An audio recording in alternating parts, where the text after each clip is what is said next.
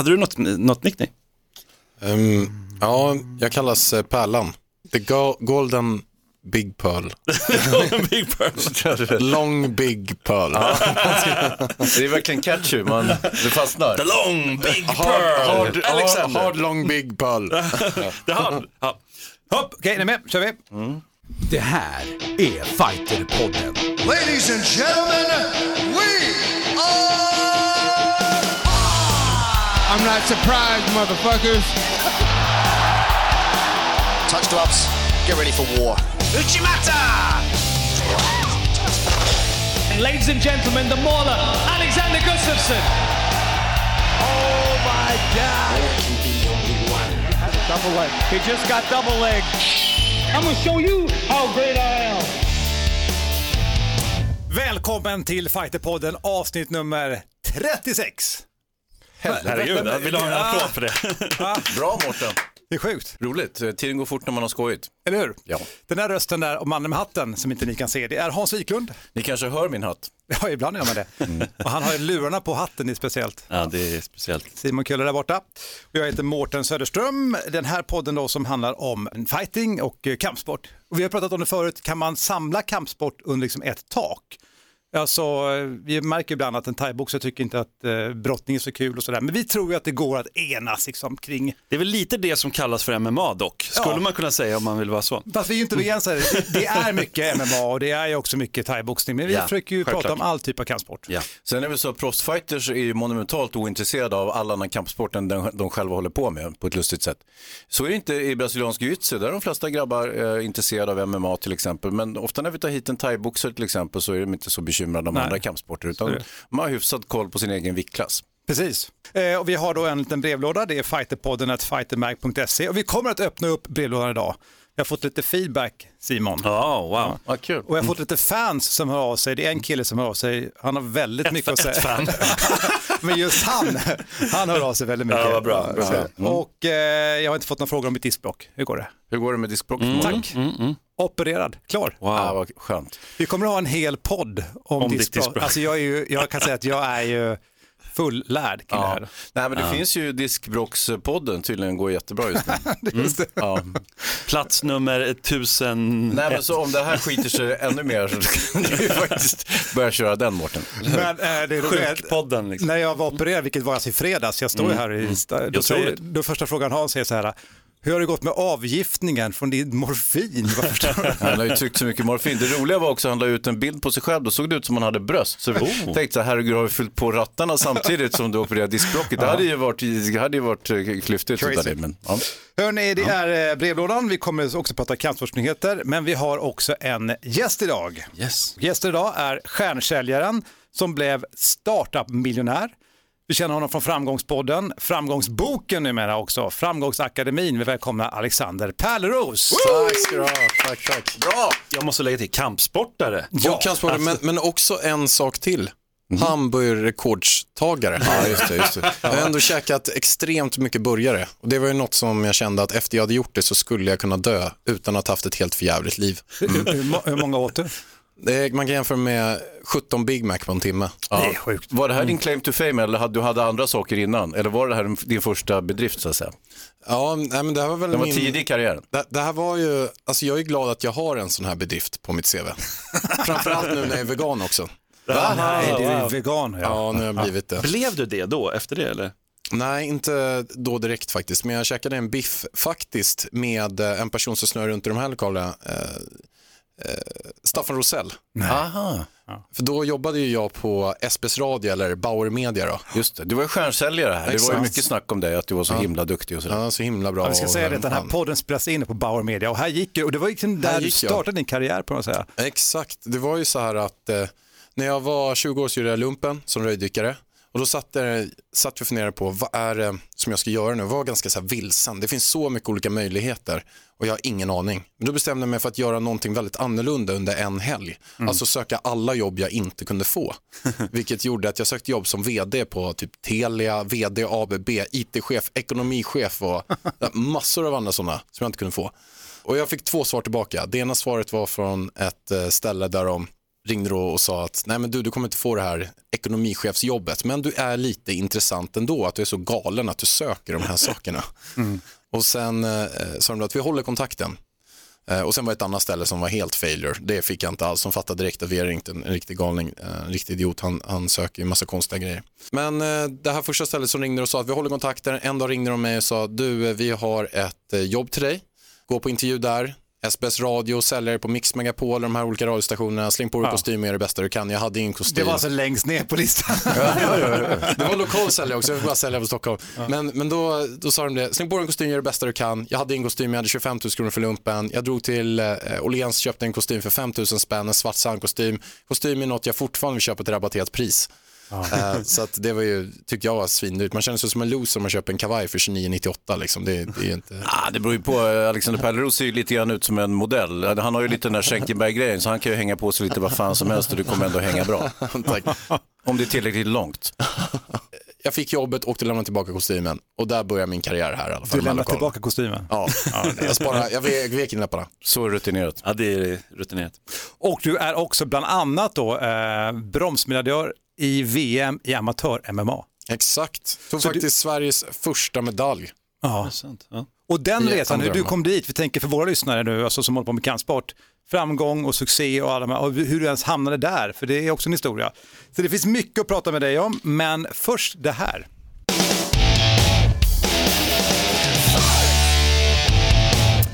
Listan är lång, det handlar om kampsportsnyheter. Simon Kölle. Ja, den är alltid lång och det är kul, det är roligt, det händer mycket. Vi har haft thaiboxnings-VM, vi var ju inne på det, det höll ju på medan vi spelade in förra, förra podden, men eh, det slutade i alla fall till slut med åtta medaljer för Sverige.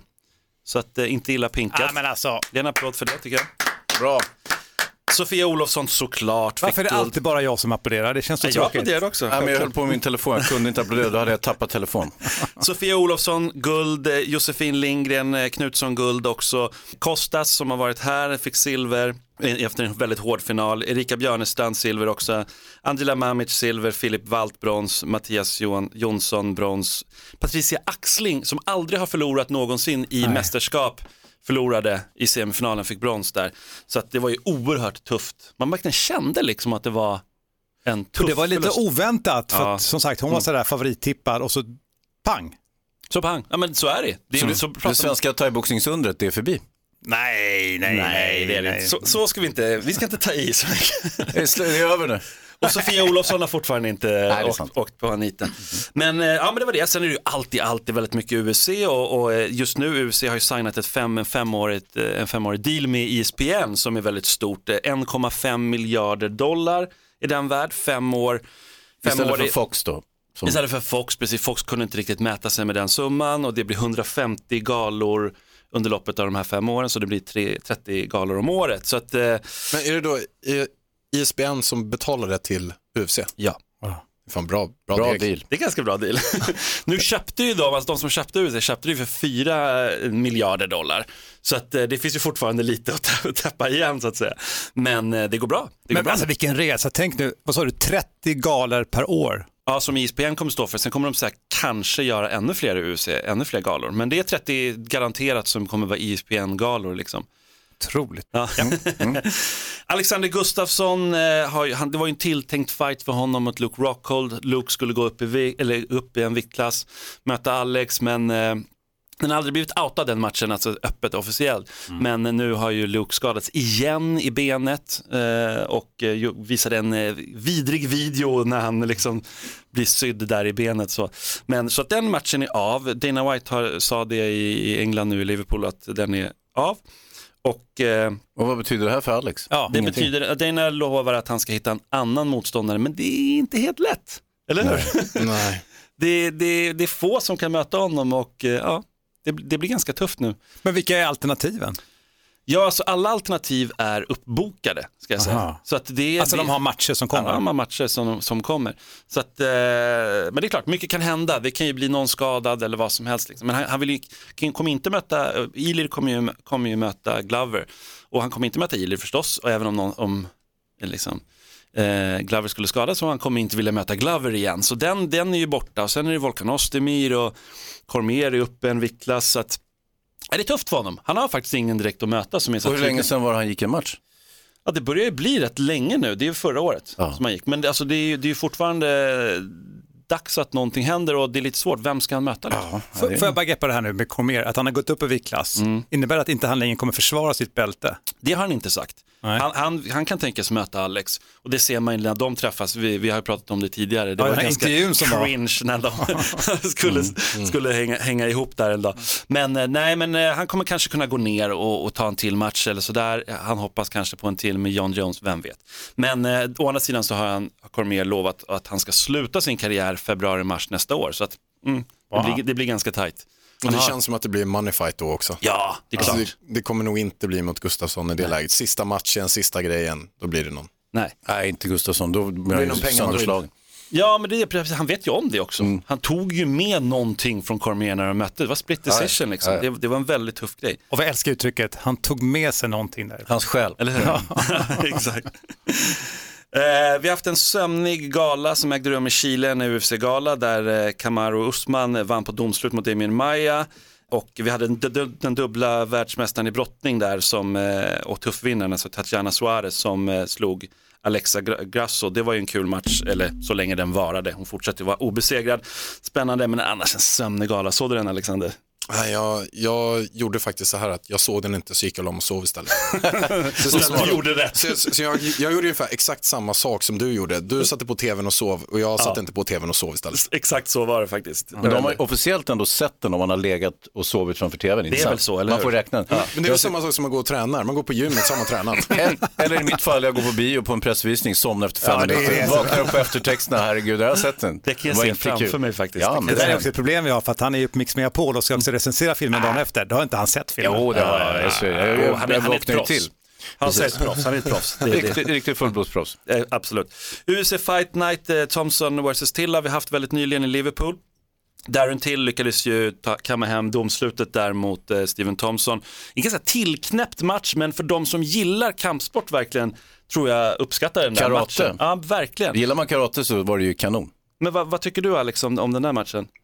Jag har inte sett den. Nej, men den borde du se däremot. Ja, det måste jag göra. liksom ett stående krig, även om den är, den är tillknäppt på något sätt. Ja, det var inte många träffar så att säga, men det var, det var coolt att se. Tycker du då Hans att eh, Till vann rättvist? Ja, alltså det, är ju- frågan är ju retorisk. Alltså jag, det, det spelar ingen roll. Alltså, Ja, men så det, var ju, Han det vann. var ju enat domslut, det tycker jag var tveksamt. ja, men det spelar ju egentligen ingen roll, han vann. Han vann. Ja, men alltså. Men varför ska jag ha split decision? Det, det är ju bara ett knas. Men alltså, jag älskar hans attityd. Ska vi bara lyssna på det här? Då? Jag tänker när han, hans vinnar, Ja. vinnartal här. Han är ju, det är ju en ny Conor McGregor vi har alltså. Who does the gorilla want next? Fucking everyone, anyone, I don't care. I'm not scared of anyone. No one. Yeah, people asking me, you might deserve a title shot after this fight. No one fucking won't. Who- I haven't beat anyone. Needs to beat all these cunts. They're all getting it. Ladies and gentlemen, the gorilla, Darren Till! The fucking gorilla, Darren Till, va? Det är cunts! Han är ju helt galen. Liverpool alltså, det var roligt också och man noterar publiken, det var ju vanliga fotbollshuliganer som, var, som var där. Det var, det var ju ingen kampsportpublik utan det var ju fotbollsfans mer eller mindre. Men det är, det är någon, någonting där. Det är där och sen är det lite i Holland som det är liksom ganska så här stökiga galor. Liksom. Jag vet inte om ni som lyssnar som kanske har varit på en gala i England, så det kan ju absolut så här bryta ut lite fighter och sånt i publiken. Det, det gör ju inte det alls här. Nej. Här är det ju jättesnällt. Det är så familjer som går och kollar nu på Superior Challenge. Och eh, likadant i Vegas så är det ju inget bråk Ja, där. nej, nej, nej. Alltså, så det, det, är- det är annorlunda, men å andra sidan det är väldigt bra stämning också. Så är det ju. Är Finske Makwan eh, Amerikani som eh, en gång, gång i tiden ska vi säga tillhörde All-Star, han gör inte det längre. Tom av Finland. Precis, från fin- Finland. Han eh, vann mot Jason Knight på delat domslut. Sen hade vi ju en svensk också på, på galan. Ja, Li- verkligen. Lina Länsberg, det var ju verkligen eh, Superkul. en taktisk, stabil vinst, en, jag skulle vilja kalla det en grisig match. Ja, alltså hon, hon bara pressade och pressade och pressade och så knä liksom. Det, Ja. var, det var hennes grej. I andra rondvilan så kräktes ju den andra tjejen. Då Det kände man så här, helt. Jo, jo. Jaha. Ja, ja, hon fick ju en hink och allting och bara satt och hulka. Och Det var ju, då, då kände man ju så här, och, då- och då fick hon också av Lina Länsberg av sin kille, vad heter han för något? Akira, Hamid Akira, Akira precis. Så här, hon kräks nu, nu är det lugnt, det är bara att köra på. Men då var ju Lina Länsberg ganska trött också och såg lite spyfärdig ut också. Men nej, det var en, det var en uh, kämpaseger. Verkligen. Hon är 2-2 nu i alla fall i UFC. Ja. Så att, eh, jag antar att det är ett nytt kontrakt då som, som Det hägrar. måste det vara. Hon, hon blev inte ihjälslagen av Cyborg och har man inte blivit det då tycker jag då, då förtjänar man ett kontrakt. värd. Ja, jo, men precis. Jo, men ofta I de som ställer match. upp för organisationen och lite sådär. Det är Vad vad- vad hette hennes eh, motståndare där? Gina Mazzani. Gina som i första ronden sa, hon sa “she's boring”. Sa Ja, hon. precis. Och sen kräktes hon. Jo men alltså, jag förstår det och det är, lite, det är ju så här när du får den här frustrationen liksom när du blir tvingad till någonting, du kommer inte ut, du får inte göra din grej. Jag vet inte, har du varit med om det i, i någon match någon gång Alex, Alexander? Nej men det är väl eh, verkligen, framförallt när man har mött folk som har slagit hårdare än vad man tror. då, då är det lätt att bli ödmjuk. Jag, jag kan inte slå mina slag för han slår mig. Vad är det här för deal? Precis. Ja, Det, det är som man brottas och man sitter fast. Ja, men exakt, Nej, men det är lite att här, att tänka så att möta liksom Randy Couture när han var som bäst och bara liksom trycka upp, clincha, ingen fick komma till sin rätt riktigt, jobbigt, verkligen jobbigt. Så jag förstår henne, att hon tyckte det.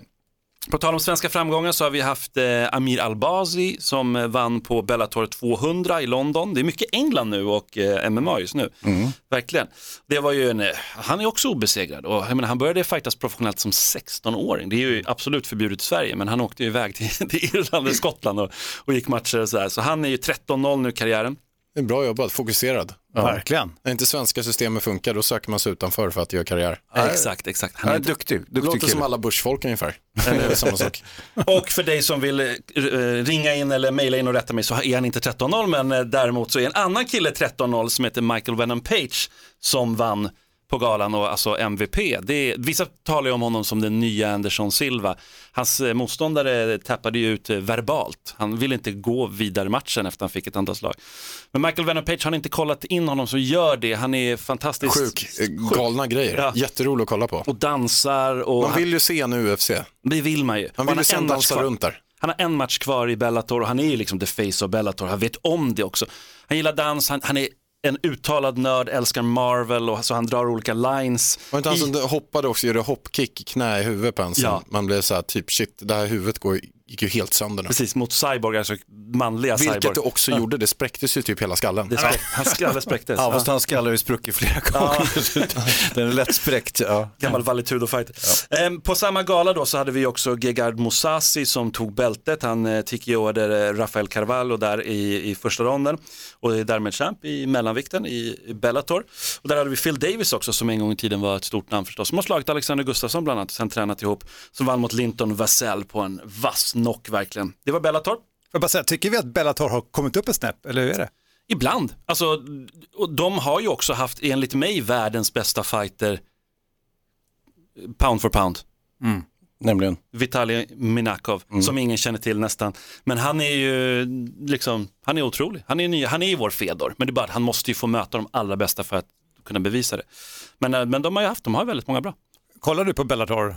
Nej, det gör jag faktiskt inte. Ingen gör det i Sverige. Nej men, nej, men tyvärr inte, men, men jag har också lagt märke till exakt samma sak som du säger, att det blir bättre och bättre fighter och sen också exempelvis att Ryan gick över dit med, med verkligen, han var ju väldigt högt upp i UFC, ja, ja. så det gick ju bra för honom. Det var inte så att han var avdankad och hoppade över dit. Det gick ju väldigt bra för honom. Och sen ser man, nej men även Phil Davis som är en grym fighter och eh, Rory. McDonald går där. Alltså, det är Verkligen, han är också en jättebra fighter, han har många år kvar. Ja, ja. Eh, Så um, ja, de verkar rycka upp sig mer och mer hela tiden. Tror ni Alex skulle kunna gå dit?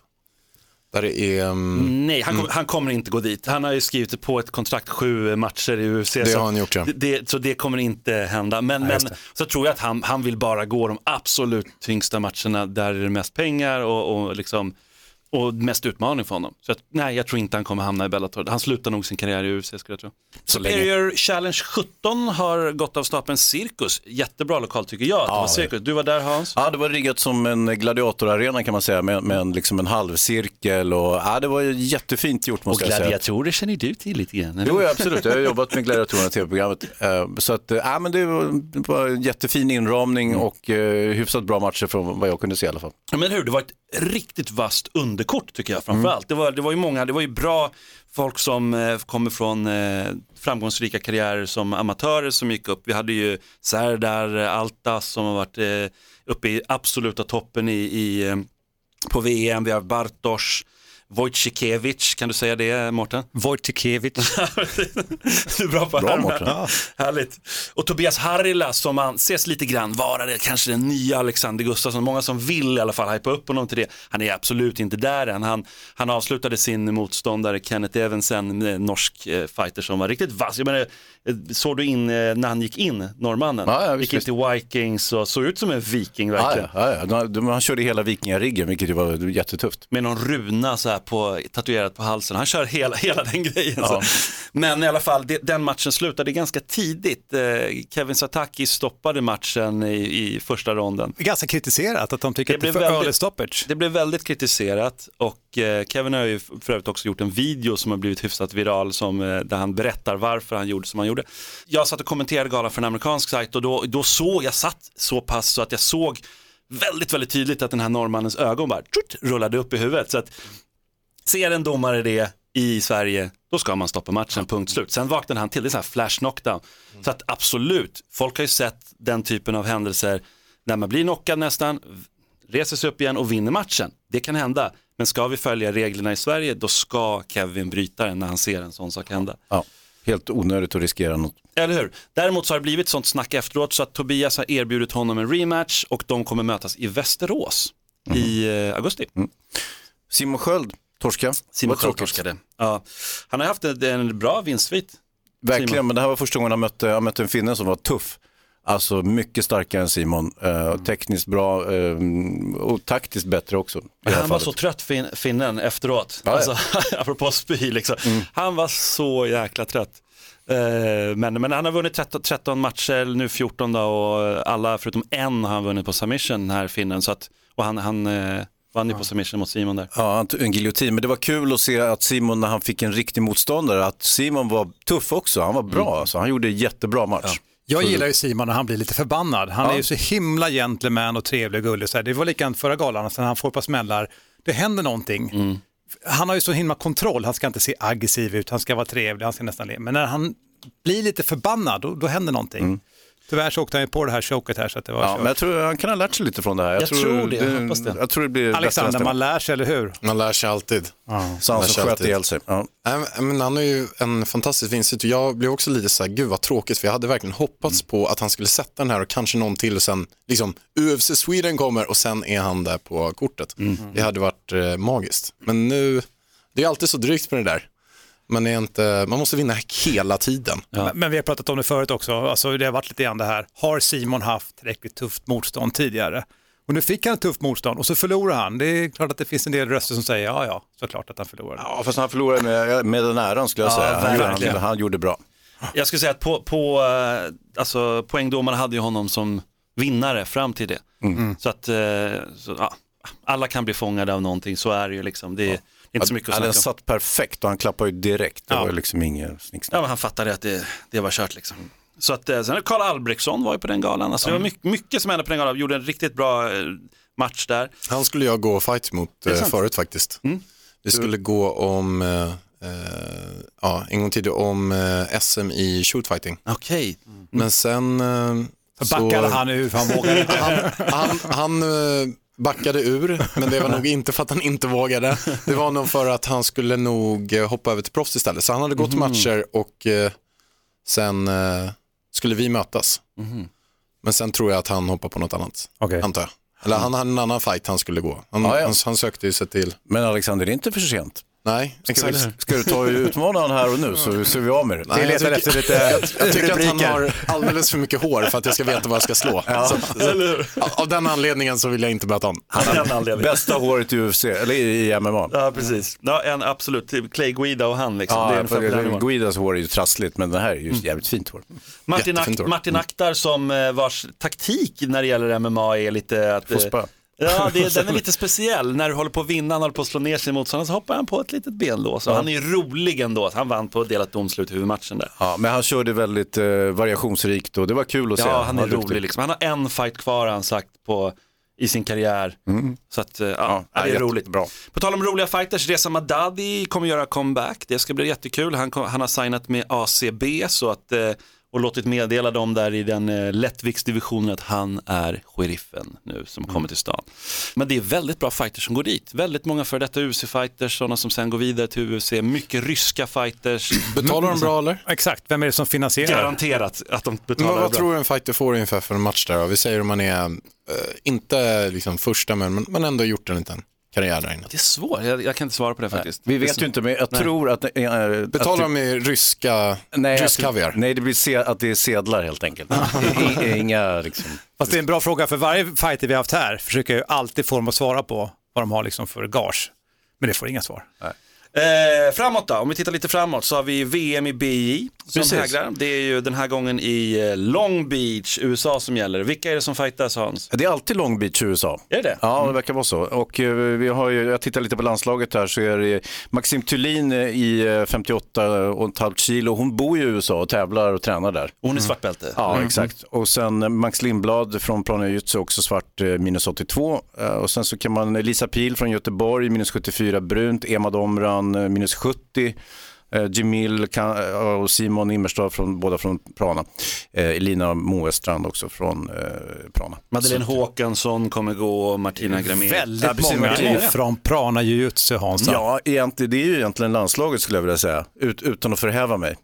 Ja, men alltså mest personer därifrån är det ju. Ja, alltså 85 procent. Alexander, alltså han tränar på Prana, det är därför vi... Ja, ja, men, Nej, ja. det är inte enbart därför jag läser. Det finns alltid en stolthet här. Eh, Martina också, ja, just det. Mm. Ja, men Lisa, vadå, Lisa Pil tränar ju för Valhalla Jujutsu. Ja, jag sa ju det. Hon är från Göteborg! Ja, det är en riktig Det finns en Göteborg, här har vi göteborgaren då. Som, Ja. Och, och jag tror att, eh, jag hoppas att Lisa går bra. Hon känns farlig. Hon har eh, tränat på bra, alltså, vad jag har förstått. Mm, kul. Ja, men det känns som att hennes eh, liksom, framgång går bara pekar rakt Ja, upp. men jag tror att hon var inte så sugen på att tävla och har inte tävlat på länge. Och Nej. sen plötsligt bestämde hon sig lite så här under radarn, vilket är, det är roligt. Sånt Just är väldigt det. kul. Apropå tjejer då, då kvin- kvinnliga fighters, så Panik Jansa har vi ju pratat om tidigare, hon gjorde ju bra ifrån sig i Invicta. Hon kommer direkt nu gå en match eh, till här nu i, i, i Danmark där hon eh, kommer möta en ganska tuff tjej men med lite så här halvdant rekord, 3-3. Men det är inte. Invicta eller? eller Nej, nej, nej. annat? Hon har tillåtelse att gå lite andra sådär. Ja, bra. lite som Karl Albrektsson, han tillhör Ja. Rising och så fick han gå i Superior. För att han, de ska hållas liksom aktiva någonstans. Ja, det är bra. Vi får, vi får se, det är kul. Pan är ju en av absolut våra bästa Ja, kvinnliga vilken boxare hon är. Jag tycker hon är jättetuff. Ja, absolut, och det var ju så synd när hon hade tre förluster i liksom Häcken så att nu, Nu ser det bättre ut. ja, nu ser det bättre ut. Tamer-bröderna kommer ju gå match nu till helgen i UFC så att eh, det blir ju alltid spännande med Tamer-bröderna tycker jag. David, alltså Tamer som möter den eh, väldigt meriterade fightern Nick Lentz. 19 fighter har Nick gått i UFC. 12 vinster, 5 förluster, en no contest och en oavgjord. Det är fler matcher än vad, än vad David har gått i hela sin karriär. Liksom. Så det, det, det är väldigt tufft. Och jag menar Nick, stora grej är ju att han eh, submittar folk. Och det är ju inte- det David har tränat mycket på. Så det här skulle jag säga, det är verkligen 11 fighter han vunnit på submission.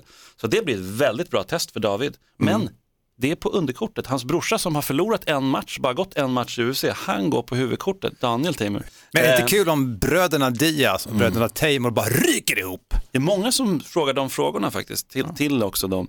Att de inte de, men det är så här, man vill se bröder liksom. Ja, helst alla fyra samtidigt. Helst alla fyra självklart. Och så samtidigt. kommer bröderna Shamrock in också till galet. Exakt. Ja, de är inte ens kompisar förresten. Nej, skit i Och det. inte ens riktiga bröder. Nej. Men eh, det är en annan historia. Ja, men, eh, Daniel Tamer då, han kommer möta Julio Arke, eller Arke, eller Arke, eller vad man säger hans namn. 14-2 i rekord, eh, gått sex matcher i rad eh, som han har vunnit. Och det är hans andra fight i UFC. Så det är också väldigt tufft motstånd för Daniel Tamer. Eh, Daniel är bra. Daniel är bra. Jävla hårda low kicks alltså. Sparkar ju sönder folk. Ja, han gör ju verkligen det. Har du fått känna på dem eller? Ja, det har jag faktiskt gjort. Ehm, vi har ju tränat, eller han kör ju på Allstars, jag uh, kör ju en del på Allstars fortfarande. Ehm, men uh, jag sparas man, han är ju, han är ju som en kanonkula alltså. Han är ju brutalt stark verkligen. Och avslutningsvis då, framåt, om vi tittar framåt, 9 juni går ju UFC 225 av stapeln i Chicago, där får vi se Robert Whittaker försöka försvara bältet mellanvikt mot Joel Romero. Rafael Dos Anjos kommer möta Colby Covington, det kommer vara en häftig match. Holly Holm kommer gå mot Megan Anderson och ja, CM Punk kommer också gå på den galan. Att han, att han fick en chans till, är inte det konstigt? Han får en chans, det här är nog sista chansen han får. Han var Men- ju helt värdelös. Ja. Lägg märke till det här. Han går alltså på huvudkortet, CM Punk. Alistair Overeem går på underkortet.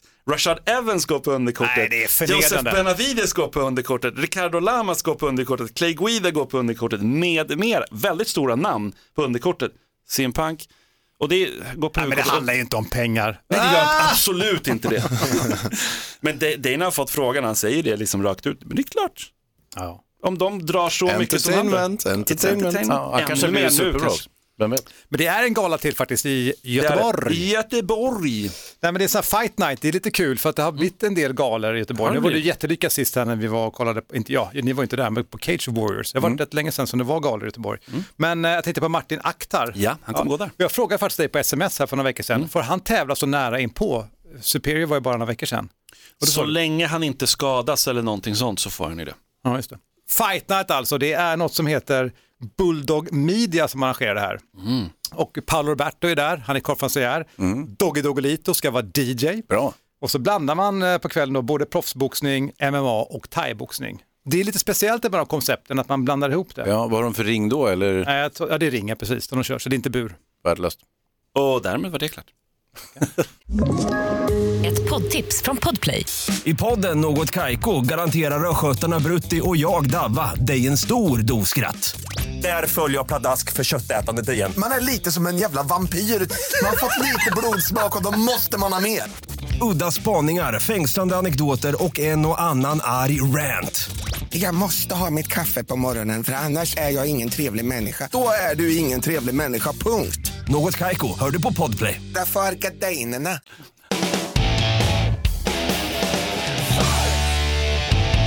Fighterpodden som då gästas av Alexander Pärleros. Och nu ska vi gå in på din kampsportskarriär. Kul, det ska bli svin, svinkul. Jag är så laddad. Eh, Du var ju röjdykare. Jajamän. Ja, och då tänker man ju direkt så här, har du haft någon form av kampträning innan? Nej, men jag började någonstans att träna på ett så här, polishuset när de hade så här shootfighting-träning någonstans när jag slutade med simningen för eh, typ 17 år sedan. Så där gick jag och tränade med ett gäng poliser som rullar på någon liten matta. Så det var liksom första gången. Och sen eh, har det gått lite från och tillbaka hela tiden och sen tränade jag ungefär i typ 10 år. Och någonstans där när man går ner och eh, ligger med fina speedos och, och liksom ligger och brottas med halvnakna män typ sex gånger i veckan så kände jag väl att nej, men nu är det väl dags att eh, man kanske ska testa sig lite grann. Men visst var det bredvid den stora hallen? Det var de, de små hallar precis bredvid, visst var det så? Mm, exakt, exakt. Alltså pytteliten hall. små Man hallar kanske där. bara Ja. får plats eh, tre, fyra stycken och rulla nästan. Sen fick alla stå och titta på. Där körde jag eskrima också och eh, fäktning. Så där. Där. Ja. Men och därifrån tänker jag, och då blev det shoot fighting först, du började träna, eller hur? Ja, exakt, exakt. Ja. Och hur hamnade du sen inom amatör-MMA? Och För du hamnade alltså i landslaget och fick tävla i VM.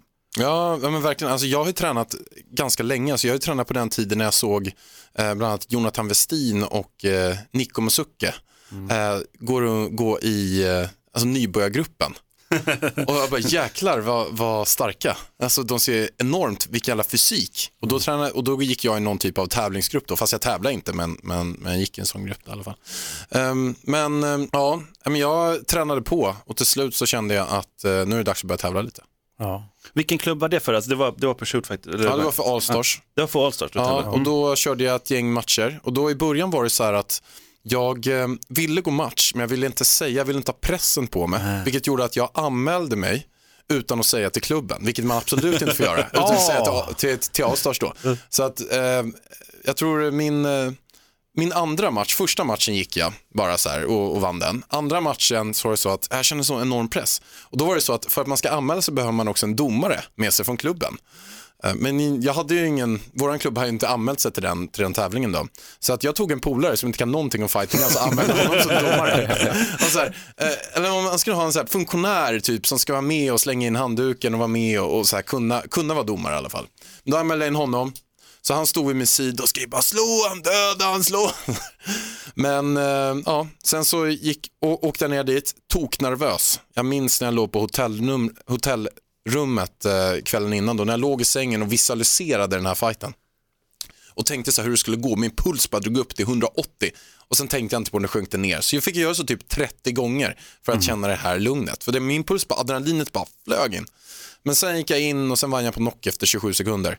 Så det var ju bra när jag kom hem och, och ehm, ja, de på klubben bara vilken jävla, åker dit ner utan att säga någonting alls och sen så knockade jag på 27 sekunder. Så det var bra det i alla fall. Verkligen. Men Ja. de tyckte jag också var dum att jag inte sa något. Men måste Såklart. säga. Ja. Och eh, från det här, då, vad, liksom, vad hände efter det här? Nej, men då var det så att jag vann eh, matchen jag ställde upp i, allting egentligen. Och sen så vann jag SM i shootfighting.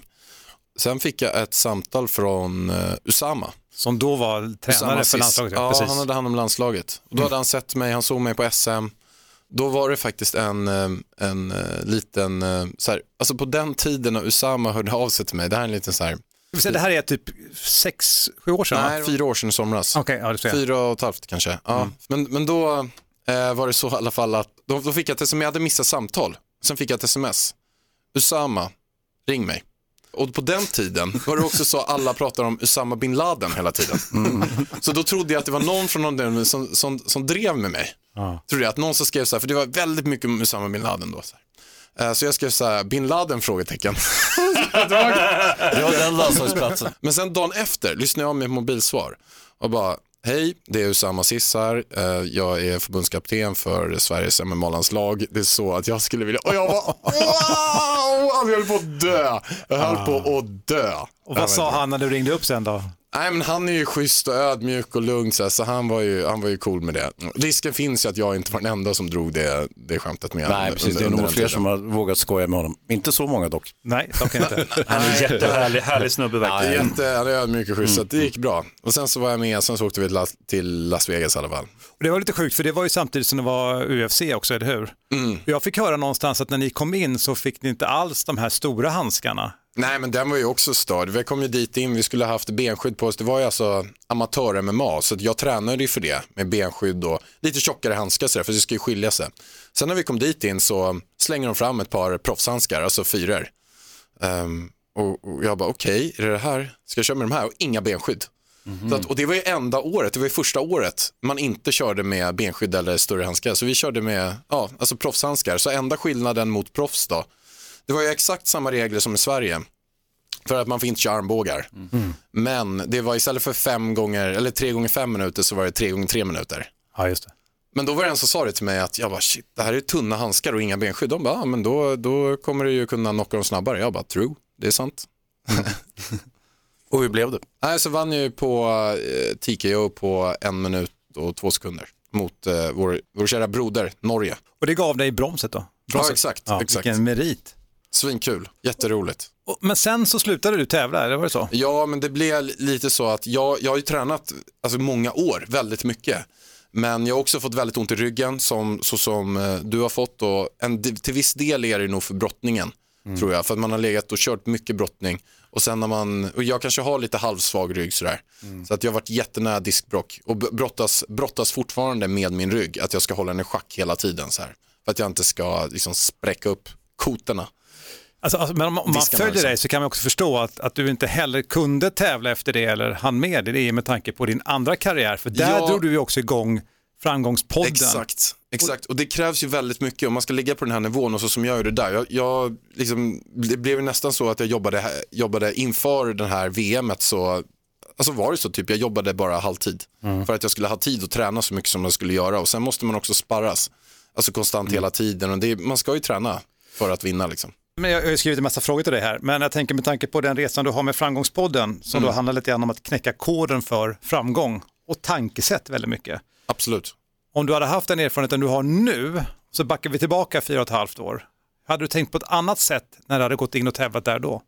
Nej, men jag tror att jag hade väl eh, relativt eh, bra liksom, tankesätt eh, där då, tycker jag väl. Så, här. så att jag vet inte just i det momentet. Men sen eh, tycker jag, för min del var det ju bra att jag inte, alltså jag körde ju för att vinna och jag körde ju inte för att gå in och bara totalt få stryk. Och, och därför, det jag inte tyckte kändes så här superbra i många fall, det jag tyckte var ångesten med själva kampsporten i sig med all sparring, det var ju det att typ en gång i veckan fick jag ett hårt slag. Om man kör typ eh, sparring som vi gjorde typ en gång i veckan, nio gånger fem minuter. Så var det något slag som satt så hårt att jag fick sån jäkla huvudvärk. Och då fick jag eh, ofta huvudvärk i två dygn efteråt.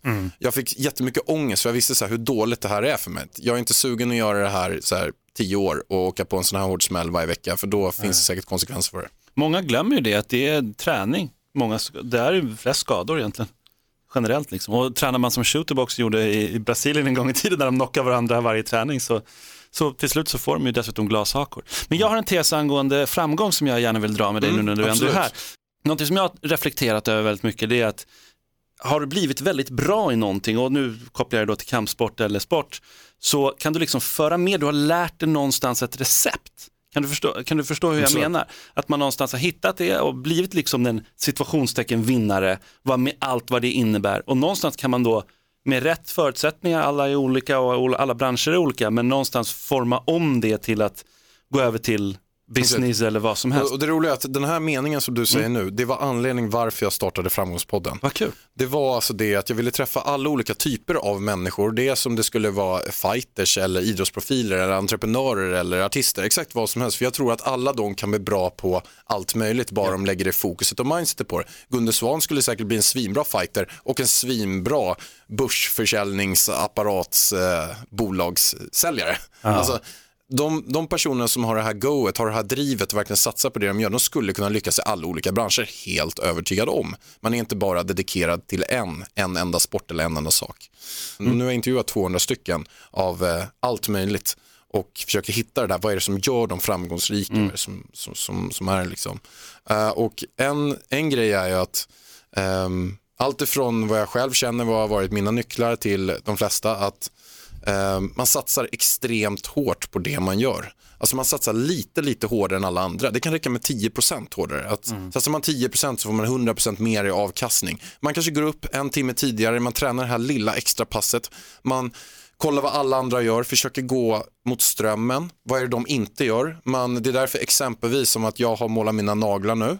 Eh, det är ju för att jag ska utmana mig själv att inte göra som alla andra. Och alla som lyckas, eh, alltså gör du som alla andra får du samma resultat som alla andra också. Vänta, alla tjejer målar naglarna. Ja, det har du rätt Det har du i. inte tänkt på? Nej, det har du rätt i. Men det är färre killar som gör det. Ja, du tänker så. Ja, just det. Ah, Okej, nej Får förlåt. försöka. Ja, Hansa, du kanske skulle börja med det? Jag både börjat och slutat. Ja, det har gjort det redan. Tånag, Tånaglarna. Tånaglar. Ja, men det är jätteintressant. Det är jätteintressant. För Det handlar väldigt mycket om det. Vi tänker också utifrån, ja men ta kampsport, alltså just det här att träna lite mer, som du pratar om nu, att ge lite mer. Och det har varit lite grann ditt eget recept, om man tittar på ditt liv nu. Hur, hur ser en dag ut för Alexander Pärleros? När går du upp ungefär? Går Inklusive upp- träningen då. Inklusive träningen. Nej, men jag går upp runt eh, kanske så här 05.15 kanske. Där För, och någonstans. när går du och lägger dig? Eh, kanske 22.40. Så du får nästan, Nästan sju typ. du får det så mycket. Men, men somnar du direkt när du går och lägger dig? Nej, kanske efter en kvart. Tio minuter. Jag, jag ligger och kollar på lite mobilen och kollar igenom de sista grejerna på Instagram och så hoppar jag runt på LinkedIn, Aftonbladet, snurrar runt lite överallt. Till slut så är jag trött och Det bra med att gå upp tidigt sådär innan fem, det är att man slipper den här vargtimmen när man har så mycket ångest, som jag brukar ha. Ja. Det bara snurrar i huvudet och du går hellre upp. Den infaller mellan tre och fyra sägs det. Mhm, det är en härlig kreativ Hjärnan bara går Jag är igång, liksom. nattmänniska så att för mig är det, Alltså, så här, det är ja, helt lugnt. Vet inte ens om den finns. Ingmar Bergman var den som egentligen myntade vargtimmen. Ja, han gjorde en film som heter Vargtimmen. Förlåt, men tillbaka till Alexander. Ja. Ja, ja. men då går jag upp i alla fall och oftast brukar jag träna någonting på morgonen. Det kan vara som nu har jag kommit in på en jäkla grej att jag ska springa mycket så jag har sprungit fem mil på fem dagar. Eh, och jag har inte sprungit något på typ, kanske eh, typ en månad innan. Men jag sprang en mil och tyckte det kändes bra. Sen gjorde jag dagen efter, dagen efter, dagen efter. Nu så har jag sprungit massor. Alltså, ja, du förstår, folk blir provocerade av det här. Ofta när andra vaknar, eller många andra, kanske vid åtta säger vi, då har jag varit vaken oftast i tre timmar och tränat, jobbat och käkat frukost. Och då är jag ganska laddad för dagen. Liksom. Jag jag älskar ju formuleringen, jag sprang en mil, det kändes bra så jag fortsatte att springa dagen efter. Jag tror det är väldigt få, alltså jag känner ingen som kan relatera till det, nu känner jag bara latmaskar i och för sig, men vad säger du Mårten? Nej, jag känner likadant. Finns inte en jävla alltså. chans. Jag hade ju en period när jag körde det där, men ja, jag vet inte, det handlar ju bara om att vara jävligt disciplinerad. Ja. Otroligt. Ja men att ha någon sorts grundfysik och sen också, för jag har hört att uh, väldigt många löpare sådär att kan man springa en, milj en miljon, en mil, då kan man också springa maraton. Så att det kanske är, det är, ett, det är en utmaning Alexander. Får tappa att sp- 30-40 kilo bara så att jag blir riktigt så. här. ja men det gör du ju om du springer. Exakt, det gör du då. Ja, det har jag faktiskt gjort rätt. Men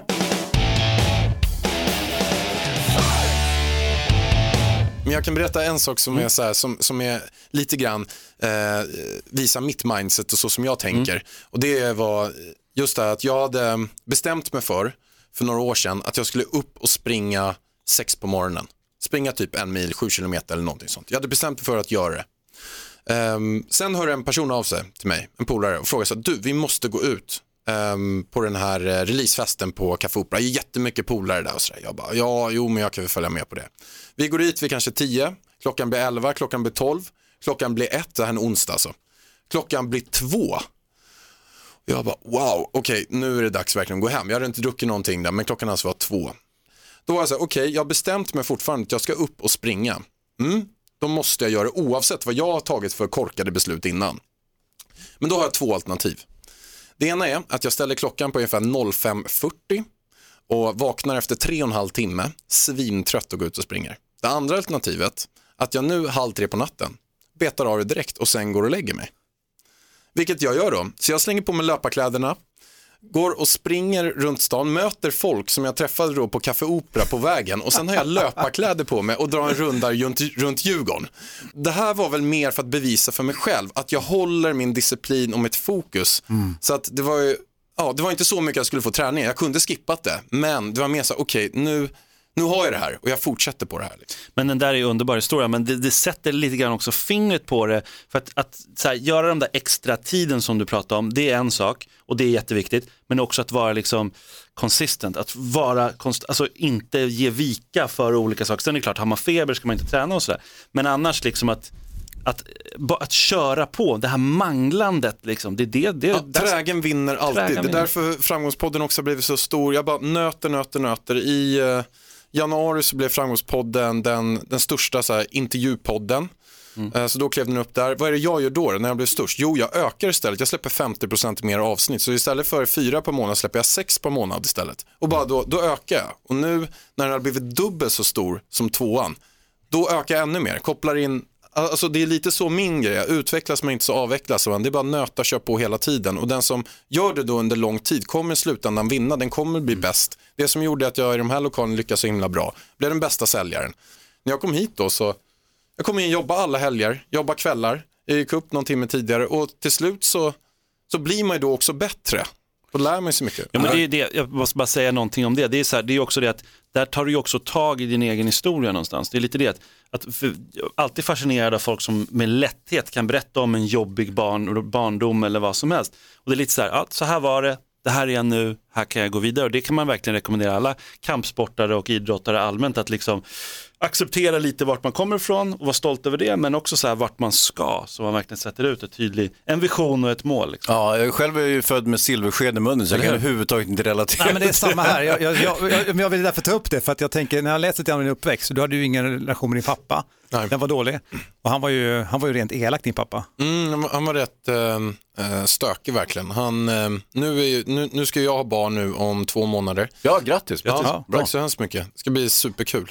Nu eh, är Ida då i månad sju. När eh, min mamma gravid med mig och jag var då i månad sex så sparkade han henne i magen. Nej, det är så sjukt. Den är ganska oskön. Den krävs ganska mycket för att göra liksom. Ja. Så hon ramlade och trodde jag var död. Så att hon var, och någonstans där började allting. Jag, jag, jag tänker, man läser en del historier också, nu tar jag till fighting, det kan säkert finnas i vilken form av ja, utövande som helst, men just att du eh, hittar den här drivkraften i att du vill, eh, till exempel en dålig fadersrelation kan kompenseras med en bra tränare, det är ganska vanligt att det är så, eller att man inte har haft någonting i sin uppväxt, vilket du inte har haft, har ju också gjort att det är en drivkraft. Eh, jag har en bekant som var för många år sedan och tränade i Thailand, alltså innan det blev stort med thaiboxning, och mötte en thaiboxare och tyckte, han såg till distans, tänkte här kommer jag kunna ta lätt. Han hade inte en chans. För den killen han mötte, den här thai-killen, ganska ung, han fightades ju för sin mat den dagen. Den matchens pengar, liksom, det var maten. Han Kan- behövde vinna. Förstår, han måste vinna. Kan du känna igen det här, de här drivkrafterna? För den är ju enorm din drivkraft. Den måste ju komma från någonting. Jag har ju verkligen eh, känt så att, eh, som sagt när jag fick det här första jobbet, då blir jag verkligen tvungen att klara det. När jag, när jag var inne på röjdyk, då var det också en grej att jag, jag, ska, jag måste bevisa mig själv. Jag har inte fått eh, någonting gratis. Och det, och det finns en del fördelar med det, man har fått så här extremt starkt driv, men det finns också en del nackdelar med det. Och det, är, det är att jag har haft väldigt tufft att ta in andra på skinnet på riktigt. Alltså exempelvis eh, jag och Ida, vi har varit ihop i nu sju och ett halvt år. Vi köpte lägenhet för ett år sedan.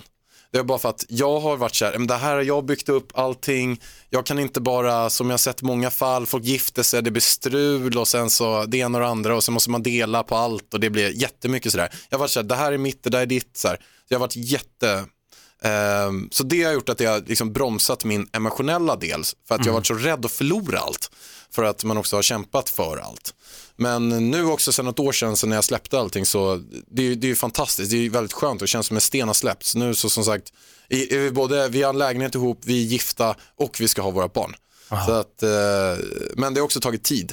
För att jag har också känt mig som en, som en ensam varg. Också för att jag har krigat ensam hela tiden. Jag har alltid känt mig ensam då också. Och att känt att ska jag få något gjort måste jag göra det själv. Och det är klart att de drivkraften är bra, men det ger också en sån här liten ensamfaktor. Jag har alltid gått och ätit lunch själv. Jag, Men är det för att du har haft svårt kanske också att vara i sociala sammanhang? Kan det vara så? Ja, men på ett sätt har det varit så. Ehm, jag minns eh, som sagt när vi var i de här lokalerna och jag hade alla mina säljvänner här. ehm, att eh, jag ville inte gå och äta lunch med allihopa. För att någonstans när vi satt eh, åtta stycken och kan käka lunch och alla sitter där och är supersociala och trevliga så satt jag med och kände mig så här, vad ska jag säga i det här sammanhanget? Vad, vad ska jag göra, säga för att passa in? Och nu sitter alla och drar skämt. Har jag något skämt jag kan dra? På något sätt började jag tänka på det där tiden. Så det värsta jag visste, det var att åka på alla kickoffer, det var att sitta på alla middagar och allt sånt där. Jag hade inga problem med att sitta en och en. Men någonstans när jag satt flera stycken så blev det sån här, så här obehagskänsla. Men att du hamnar i kampsport, det är också det är väldigt individuellt ju. Alltså, även det, är, alltså, det är ju en individuell lagsport på något sätt om du kommer som lag. Men den har också gett mig kan jag säga, ett jättebra självförtroende. Alltså den, den satte, kampsporten satte en pusselbit på mig som jag kände så att jag fick en sån här djurisk eh, trygghet. När jag eh, fick bekräftat att jag är bra på eh, kampsporten, när jag började vinna, då blev det som att jag fick så här, man har massa olika typer av pusselbitar i sitt självförtroende, men när den kom, då blev det så här, något typ av lugn i mig som eh, var väldigt skönt. Och Tror du att det är så här förko- förknippat med manlighet speciellt? Joe Rogan brukar ofta prata om det här som du pratar om nu Jaha, faktiskt, att, i sin podd. Ehm, En annan kampsportpodd. en annan kampspodd som är typ världens största, Lik- typ världens största podd. Likvärdig. Världens största podd. Fan också. Ja. Mm. Nej men i alla fall, men det är, där brukar man ofta prata om det, att det är någonstans liksom att det finns ett visst lugn som man kan få när man inser att jag kan slå den här personen, eller jag, det här rummet, jag kan i alla fall ta mig härifrån om det skulle vara så. Och det, sen behöver inte det kanalisera att man behöver brösta upp sig. För det, Jävligt vet- jobbigt att ni sätter en lila bältare vid dörren precis här va? Ah, jo, jo, Precis, dessutom är jag beväpnad. Nej, jag är inte det, jag bara skojar. Med en men, det, men det där är ju intressant, eller hur? Som du säger nu. Mm. Ja, att man har den styrkan eh, och självförtroendet. Och, och det är också stor skillnad på dig idag och man tittar på bilder eller läser om dig när du var liten. Du var ju mycket, mycket mindre. Du var ju en späd kille, eller hur? Ja, absolut. Jag du har varit lång så har du Ja. inte varit... Ja, men jag var ju väldigt, jag var väldigt, väldigt smal. Eh, Jag var ju simmare innan, Mm. så att, men eh, då blev jag smal. Men sen eh, efter det så började jag styrketräna och började på kampsport. Det var ju för att jag inte pallade köra kater hela tiden. Jag ville inte börja på karate. Och då kollade jag, vad är det som är det värsta man kan börja på? Det har väl alltid varit så att jag söker mig till det, det värsta eller extremaste på de sätten för att jag vill utmana mig själv. Och då, då var det ju åt MMA-hållet.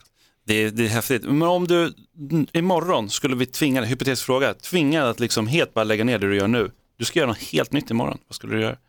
Jag skulle faktiskt söka mig nog åt eh, Säg kampsport. ja, ja. Jag ska bli judotränare. Ja, precis. Nej, men. Nej, men jag skulle eh, tycka det var skithäftigt att eh, gå åt eh, yogahållet. Alltså att vara på något ställe någonstans i världen, något varmt land, eh, börja varje morgon med eh, yoga, alltså ta hand om sig själv, lägga flera timmar om dagen på eget medvetande. Det hade jag tyckt var jättehäftigt. Helst skippa så här, mobiltelefoner, datorer och bara vara så här, som, som när man åker på, när jag åker till Koh som vi har varit på några gånger. Man bara tränar varje dag, man har det fantastiskt, man sitter vid någon sandstrand, eh, sitter under några palmer och sen så funkar inte ens mobilen.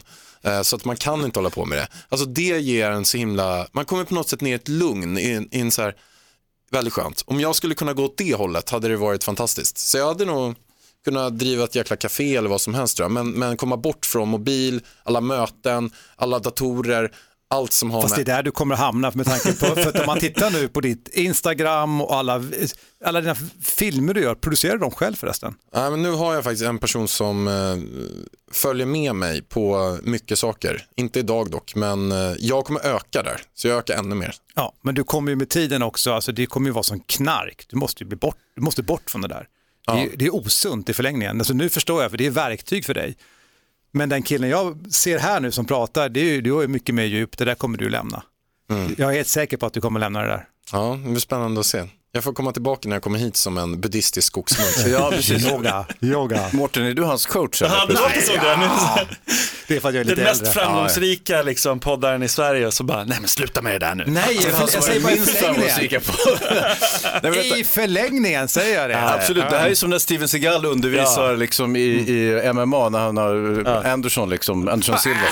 Det är lite likt faktiskt. Ja, jag Mårten coachar Alexander Sen, Pärleros. sen om typ ett år så slutar Ale- Alexander med, med poddandet och så kommer du gå ut och säga det var jag som sa det. Jag menar bara att man ska få lite lugn, eller hur? Ja, ja, ja, Du tog ja. det på rätt sätt, eller hur? Ja, absolut. Jag ska Ja. lägga ner podden imorgon. Bra, Jag då säger vi så. Ha det gött, ha det bra.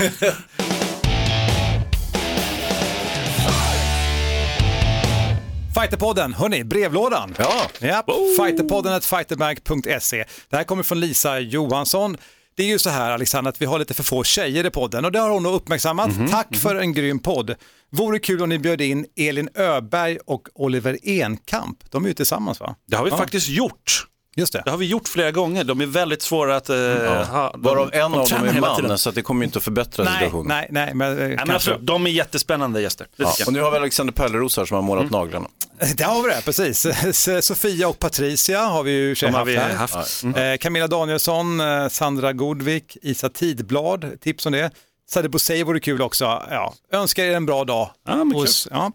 Sen har vi han som heter Konrad Konradsson, KK. Eh, han är ute efter dig framförallt Simon. Bra. Ja, det är bra. Nej, men generellt till, eh, till vår podd. Senaste avsnittet, eh, vi pratade om Kyokushin. Eh, de här två gulden pratade om, det var alltså i, från Kata, Ja, inte Committee, inte som Nej, vi sa det. nej. Vet vi det. Och pekar du på mig? Ja, för det var du som sa det. Nej. Jaså. Eh, sen så, vi pratade om McKinsey Dern. Eh, Hon Mackenzie. fick, ja, precis. Hon fick böta 30% och vann på knock. Hon pratar engelska perfekt. Nej, hon fick böta 30% på show, 15% på vinn och hon vann på submission, en red naked show, Ja, ja, ja. inte knockout. Hansa. Med tanke på att hon är amerikan och bott i USA hela livet borde hon kunna prata engelska bra, men hon har ju lagt till sig någon sån här brassebrytning och det, det tycker man är speciellt. Men sen har jag tidigare mejl från Konrad här då, som har gått på här. Ja, då kommer vi till det här med hur vi ta- uttalar förnamnet på Nurmagomedov. Vi har sagt Khabib. Ja, Ja, ja. Khabib. Khabib. Det ska vi tänka på i framtiden. Ja. Eh, och sen då eh, långa utläggningar, men bland annat pratar vi om Putin, att han har svart bälte i Kyokushin. Det är ett hedersbälte han har där. Ja, jag vill säga så här, tack Konrad, Konradsson, för jag tycker det är bra att han kommer med mycket feedback till oss. ja, det är trevligt. Tack så Nej, mycket. men det är också så här, till försvar då, om jag ska försvara någonting. Så Nej, är det så du här- behöver inte försvara, nej, men, Simon. nej, nej, nej, nej, men det, det, det här är för att förklara, inte försvara. Det är så här att det är svårt. Det är svårt, det är väldigt mycket som händer och det är dessutom så att vi eh, spelar in podden en, en viss dag och sen så kommer den ut lite senare och så där så hinner det hända saker ibland. Alexander Pärleros säger aldrig fel i sin Nej, podd. han gör aldrig det, eller hur? Ja, den heter ju Framgångspodden så allt är framgångsrikt. Det finns ju inte ett enda framgångsfel, men jag skulle jättegärna vilja att den här Konrad Konradsson kunde ge mig lite feedback också. Han verkar vara svinbra. Ja, det är en uppmaning. Du kan ta över den här feedbacken, det är lugnt. Passa dig för vad du kommer få nu. Hörru Alexander, eh, vi har ju som sagt massa svenskar som ska tävla i VM i BJ. Nu kommer den här frågan då till dig, Framgångspodden. Har du några tips till dem för eh, deras framgång och tänka hur de ska lyckas? Verkligen. Eh, mycket handlar ju hela tiden om att inbilla sig själv mer än vad man är för att då kunna uppfylla det. Så att jag skulle lägga ett stort slag för visualisering, egentligen exakt vad man ska göra. Man ska in på ett säljmöte, visualisera exakt hur det går. Men också att man visualiserar från slutsituationen. Alltså att om de eh, ser sig själva ligga där och dra en real neck choke eller dra en kimura eller vad som helst. Tänk att de börjar därifrån och sen går de tillbaka vad de gjorde innan, vad det som hände till där de står idag. Till där de står där i en träningslokal när de är. Och sen kan de visualisera framåt sina situationer och visualisera bakåt. Så att de sätter det här helt i ryggmärgen och känner sig extremt trygga. Och sen är det självklart det att, så som jag gjorde och säkerligen de flesta också gör, att verkligen lägga fokus på allt bra man har gjort och se att fan jag är riktigt duktig, jag har gjort allt det här, jag tränar med de absolut bästa, det här kommer jag verkligen att fixa. Och sen bara gå på det där hela tiden. För det är ju det är ju verkligen en lek med psyket. Alla är ju oftast rädda, de flesta är ju det, när de ska in. Man är nervös, det här man möter någon som är svinstor så glömmer man bort att man är svinstor själv.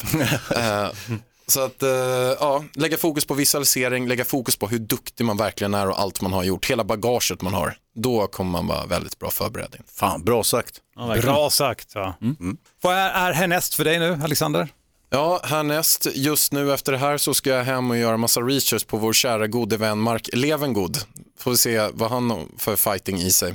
Men jag ska intervjua honom imorgon så jag ska sätta mina timmar och bara eh, lära mig allting om denna fine man. Kul att ha dig här i Fighterpodden. Ja, men tack så hemskt mycket, superroligt att vara här. Och som sagt, vi ser fram emot att du kanske väcker liv i din kampsportskarriär igen. Ding. Väcker liv i kampsportskarriären och lägger ner min podd. Ja, det är det du tar med dig Ja, härifrån. du, har, du har fått en del goda råd tycker jag ändå. Ja. Det här kommer ju Och, och alls- kvinnor målar naglarna. Ibland tänker man någonting så kommer det på ett annat sätt. Nej det. Mårten, det kom ut perfekt. Ja, tack så mycket. Det var inte ett dugg förolämpande. Kom. Simon Kölle sitter där borta. Hans Wiklund. Jag heter Mårten Söderström. Hör av er till fighterpodden at fightermag.se. Tack för idag. Oss!